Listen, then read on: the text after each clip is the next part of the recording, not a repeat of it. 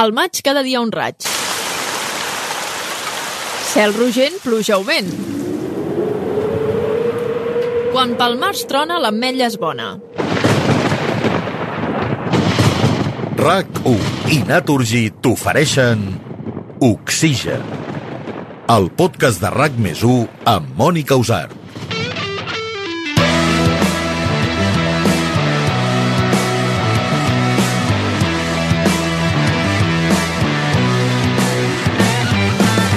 La meteorologia popular forma part de la cultura del nostre país. Poc o molt tots sabem alguna dita relacionada amb el temps o simplement mirant al cel o el comportament dels animals podem fer un pronòstic meteorològic a curt termini. L'interès per predir el temps fa molts anys que hi és. Penseu que era una eina molt important per salvar cultius, béns i vides dels nostres avantpassats. Ara, per sort, hem avançat i no depenem d'això. Però què hi ha del cert al darrere? A l'episodi d'avui ho descobrirem. Comencem.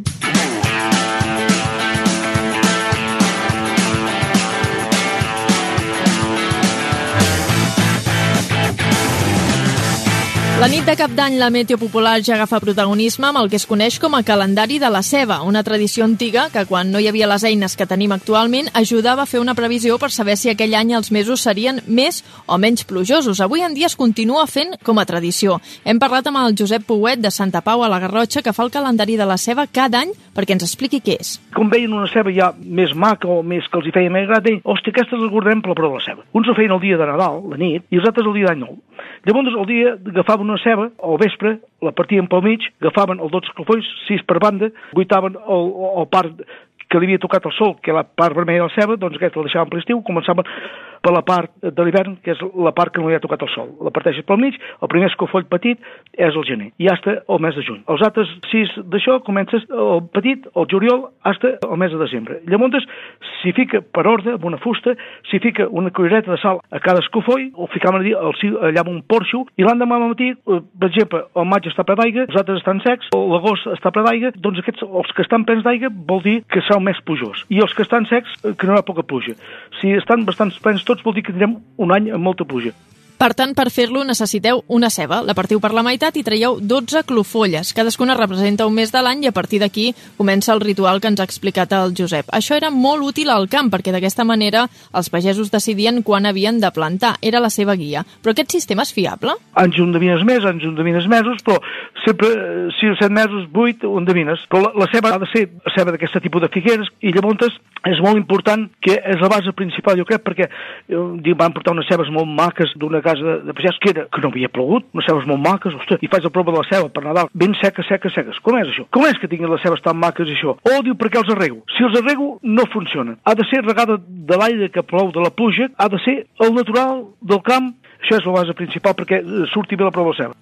I no a tot arreu on es fa surt el mateix resultat, dependrà del lloc on es faci, i és que de fet el temps tampoc és igual a tot arreu cada any. Si voleu saber uh, què passarà amb la ceba aquest any, podeu anar a veure el Josep, us podeu acostar fins a casa seva, a Santa Pau, a Campuet, i ell us donarà un full amb tota l'explicació i tots els detalls del procés que heu de seguir si voleu fer la prova de la ceba a casa vostra.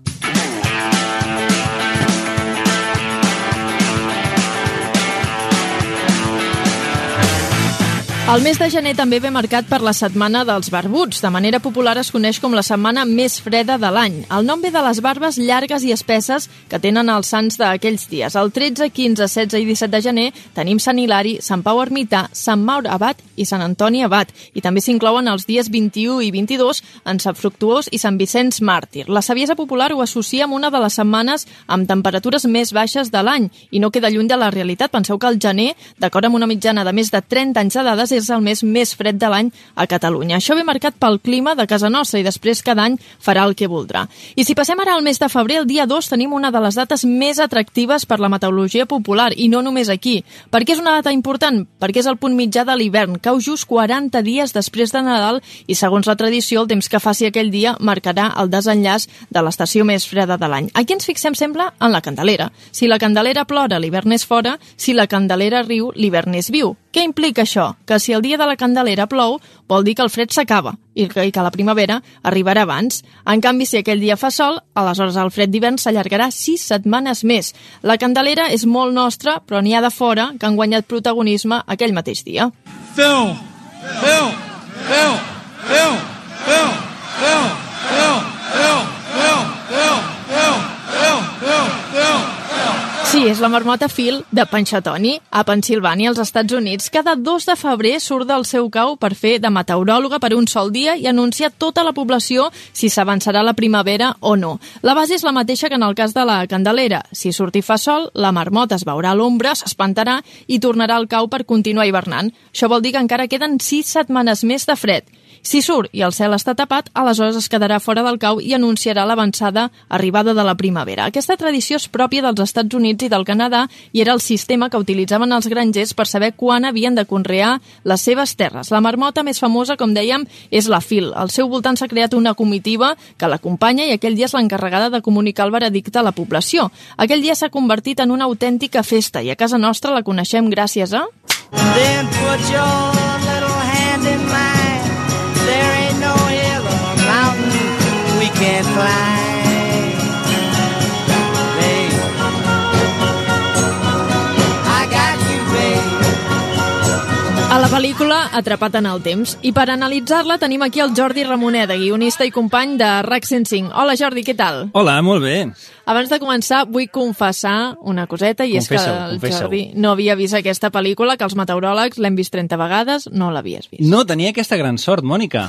Tenia aquesta gran sort de no haver-la vist i aquest, fa poquet, abans de preparar aquesta secció, la vaig poder veure i vaig gaudir-la moltíssim, com un nen petit. Sí? No la vas veritat. veure antiga? No, que va, No, eh? eh? jo la trobo molt, molt actual, amb un ritme que ja els agradaria a moltes pel·lícules actuals tenir. De veritat, és una passada, aquesta pel·lícula. I què et va semblar l'argument i la història? Em va agradar molt, em va agradar molt perquè és molt novedós. Bé, de, primer de tot em va impressionar la traducció, no? Atrapat en el temps, una pel·lícula que es diu El dia de la marmota, no? De, de Groundhog Day. Sí. Aleshores, una felicitació aquí al geni que la va traduir així. Eh, a mi em va semblar una revolució aquesta pel·lícula, que per cert era una pel·lícula que ningú donava un duro. O sigui, no hi havia gaires esperances en els estudis de que pogués triomfar gaire i van, van recaudar bastants calés eh, amb aquesta pel·lícula. de Clar, veritat. perquè és un molt original, a més a més és una tradició que als Estats Units, doncs, com explicàvem fa un moment, eh, tira molt, Sí. i la gent l'està cada any esperant, i jo crec que lligar una cosa amb l'altra no és el que va fer que triomfés tant, també. Sí, el, puc explicar una mica de què va la pel·lícula Sí. i després faig una mica la interpretació. Sí. Val? Mireu, uh, aquest film uh, de l'any 93 tracta de que un meteoròleg estrella d'una cadena de televisió va cobrir el famós acte de la marmota Phil, que ja Sí. tots coneixem, però es troba amb un problema. Els dies es van repetint i repetint i es queda en, en, atrapat en el 2 de febrer. Sí. Val.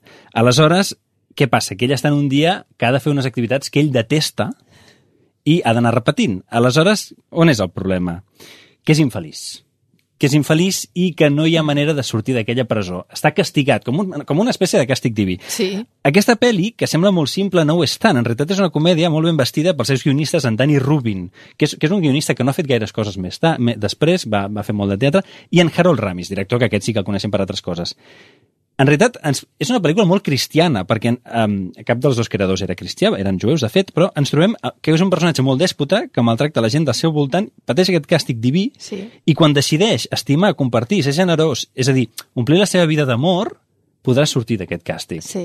És, és molt xulo, Un això. regal, sí. És, és, molt, és bonic, és una pel·lícula És maco, bonica. sí. Eh, detalls molt curiosos, Mònica. Eh, saps quants anys, segons en Harold Ramis, el director de la pel·lícula, es va estar Bill Murray atrapat en aquest, en aquest dia? No. S'han fet càlculs, eh, de fet, estadístiques. Es va estar entre 30 i 40 anys atrapat el dia 2 de febrer. Oh, sí? Què et sembla? No m'ho hauria pensat tant de temps, eh? Diuen que hi ha, hi ha aquest càlcul perquè es va estar, o sigui, perquè ell arriba a tocar el piano. I tu, per tocar també el piano, necessites unes 10.000 hores de pràctica. Ah, no Aleshores, m'havia a partir d'aquí s'ha fet aquest càlcul. 30 i 40 anys atrapat en el dia 2 de febrer. Clar, jo hauria dit 4 o 5 dies. No, no, no, no, no. Ostres. Un altre detall eh, molt curiós és que el rodatge va ser un infern perquè, atenció, la marmota famosa va mossegar diverses vegades el Bill Murray i van haver de córrer a posar-li una vacuna. Oh, no ho sabia. Sí, i que va haver-hi una mica de mala maró en el rodatge, perquè el Bill Murray estava passant un mal moment, s'estava separant de la parella i no va acabar gaire bé amb el director, amb qui no es va tornar a parlar fins al cap de molts anys. Oh, doncs mira, el resultat va ser bo, tot i aquests inconvenients. Sí, sí, sí. Eh, eh, no ho sé, a mi, Mònica, jo vull agrair que m'hagis fet veure aquesta pel·lícula. Sí, oi que sí? I a Sí. més a més ara sabràs d'on ve aquesta frase de avui sembla el dia de la marmota, Sí. perquè no té res a veure el dia de la marmota amb quedar-se atrapat en el temps. No. Només ho relacionem amb aquesta pel·lícula. Sí, sí. Eh, ja veieu, amb això de, del Bill Murray, que ell no va prendre la lliçó de la seva pel·lícula. És curiós, eh? Perquè Sí. és, una, és, és un senyor que representa que ha d'aprendre que omple la vida amb amor i el rodatge va ser un infern. I no ho fa. I no n'hi havia gaire. Oh. Escolta, Jordi, moltes gràcies i que vagi molt bé. Gràcies, Mònica.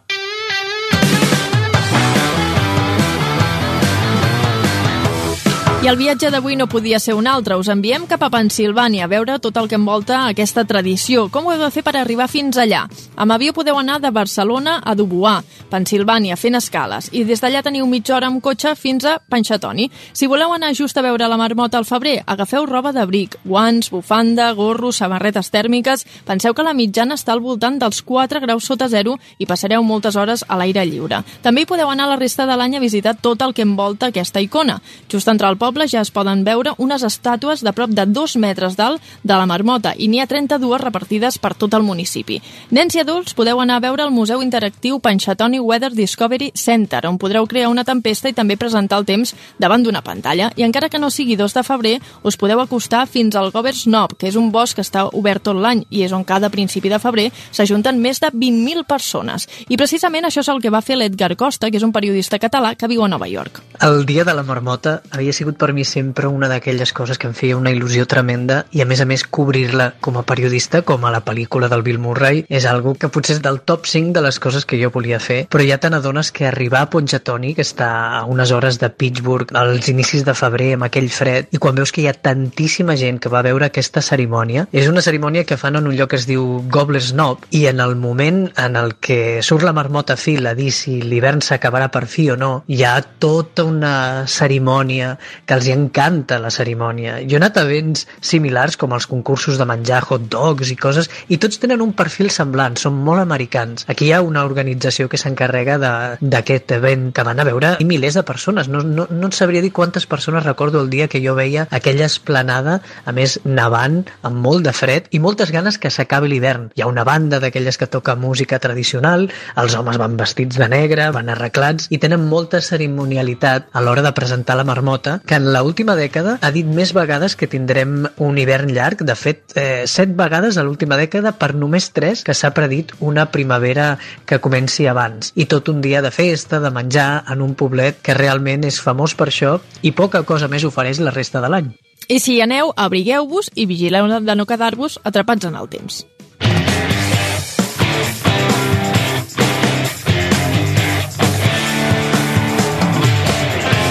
I en el transcurs de l'any trobem molts altres moments marcats per la meteorologia popular. En repassem alguns. Per l'abril, cada got en val mil o al maig, cada dia un raig. L'abril i el maig són mesos que normalment relacionem amb els xàfecs i les tempestes. En el cas de l'abril, l'aigua es considera benvinguda, per això es diu que val mil, ja que és bona per les collites. I en canvi al maig, aquesta aigua no és tan bona, ja que després d'un abril plujós, si arriba, anega camps i pot afavorir l'aparició de fongs. La canícula. Es considera l'època més càlida de l'any i a la península ibèrica s'agafa del 15 de juliol al 15 d'agost. Hi ha anys que coincideix amb els dies de més calor i altres no, com passa amb tota la meteorologia popular. L'estiuet de Sant Martí o de Sant Miquel. Són períodes en què la temperatura puja per sobre del que seria habitual i ens porta a un ambient més suau. El de Sant Martí és l'11 de novembre i el de Sant Miquel el 29 de setembre. I si mirem al cel també hi ha dites que ens poden ajudar a fer un pronòstic. Quan al cel hi ha cabretes, al terra hi haurà pastetes. En aquest cas, les cabretes fan referència a uns núvols més aviat petits i arrodonits. Quan n'hi ha molts, semblen un ramat de cabretes. Aquest tipus de núvols acostumen a anunciar pluja. Per tant, si els veiem, és probable que el terra s'acabi mullant amb la pluja i, per tant, hi hagi pastetes o bassetes. Cel rogent, pluja o vent. Quan els raigs de sol creuen la nostra atmosfera, es poden trobar diferents obstacles, la humitat, el fum, els núvols, que alteren el color que nosaltres rebem. Quan el sol surt o es pon, ha de travessar un gruix d'atmosfera més gran i el veiem de color més grogós o ataronjat. Els dies en què hi ha núvols alts, aleshores, el color és més aviat vermellós, i precisament aquest tipus de núvols són els que van al capdavant dels fronts que ens poden portar pluja i, depenent de com, també vent.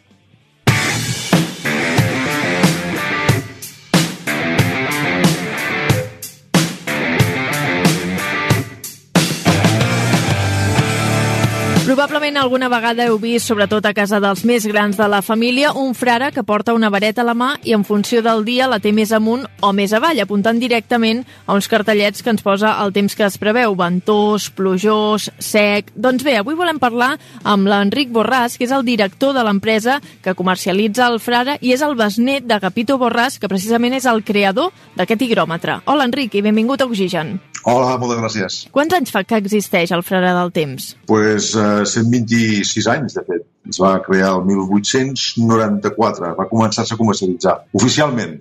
I ens podries explicar d'on va sortir la idea? La idea la va tenir el meu, el meu besavi, que era una persona molt creativa i, inquieta doncs, per fer coses noves. En aquella època, cap al 1890, hi havia preocupació per inventar coses noves. En, aquella, en aquells moments eh, era molt jove, ell hauria tenir uns 18, 18-19 anys, i tenia uns llibres de ciència i va veure alguna molt similar, llavors va pensar, ostres, doncs, eh, si puc ajustar això d'una manera o d'una altra, posant el tema del temps. Això va començar ella a Calella, una terra on també, com moltes a Catalunya, que hi havia molta pagesia i, per tant, els pagesos doncs, estan preocupats també pel temps que farà. Una cosa va portar l'altra i, i l'invenció d'aquest artilugi educatiu, científic, a la vegada com una joguina, perquè després ell va fer joguines, no? Sí.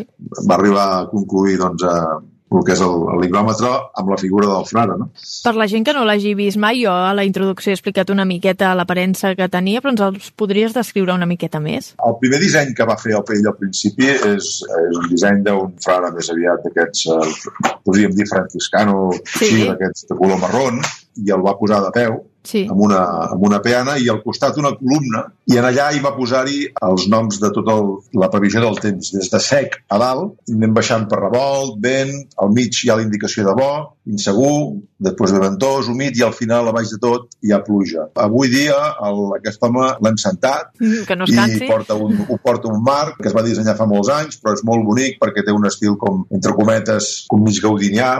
I aquest aparell eh, el que fa és reaccionar bàsicament amb els canvis d'humitat, no? per això es diu higròmetre, però què hi té a dins? Es parla d'un pèl de cua de cavall, he llegit fins i tot d'un cabell de dona rossa, però m'agradaria saber exactament què hi ha, si és que es pot dir. Bueno, és com el secreto de la Coca-Cola, això, no? De comet, cometes, no? Però aquí està la gràcia del tema. De fet, és un, el que hi ha dintre, sí, és un producte que, els, que els mateixos principis que, que, que això, tot això que dius, no? que un pèl de cua de, de cavall, pèl de dona rossa, també s'ha dit, i és producte d'origen animal, això per descomptat. I això fa que no falli mai.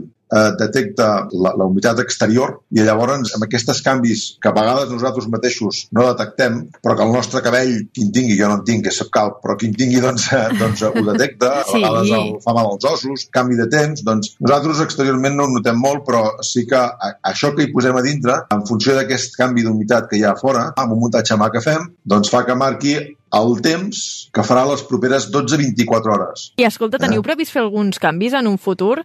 Venim de 125 anys d'història, de tota aquesta evolució que m'explicaves de, del frare, i ara, de cara al futur, algun canvi o el manteniu així? Sí, no, més que canvi, eh, incorporacions. Eh? Et deixen dir-te que des del molt al principi el meu besavi, quan l'any 94 oficialment va començar amb el primer frare de peus, també va, va tenir una figura que és el Cristóbal Colón i, i moltes d'altres. És a dir, ell, ell va fer l'higròmetre i va haver-hi haver algun any que n'hi havia 40 models diferents en venda. Wow. Però el que ha quedat amb el temps és el frare. I clar, nosaltres el que hem fet és, és inclús incorporar diferents fondos. Hi ha un, un decorat, el clàssic que diu la gent, que és amb un sol i de muntanya, però, per exemple, per Catalunya n'hem fet un que és amb les muntanyes de, de Montserrat, Montserrat, sí. però eh, el que sí estem començant a treballar ja de cada any que ve és a fer alguna versió addicional més moderna, eh, tema de disseny més modern i això de cada l'any que ve.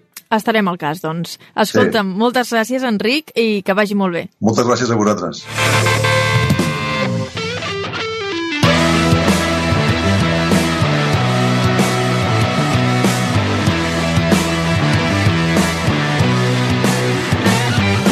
La meteorologia popular complementa les informacions del temps en base científica. Per fer els nostres pronòstics dia a dia utilitzem uns models matemàtics en què hi ha una gran quantitat d'informació que interpretem i ens dona com a resultat el temps que farà. Però tot i això estem envoltats d'un munt d'elements i senyals que ens poden donar un cop de mà per acabar de confirmar aquestes previsions científiques. Quan una cosa i l'altra coincideixen, l'èxit està assegurat. RAC1 i Naturgy t'han ofert Oxigen, el podcast de RAC més 1 amb Mònica Usart.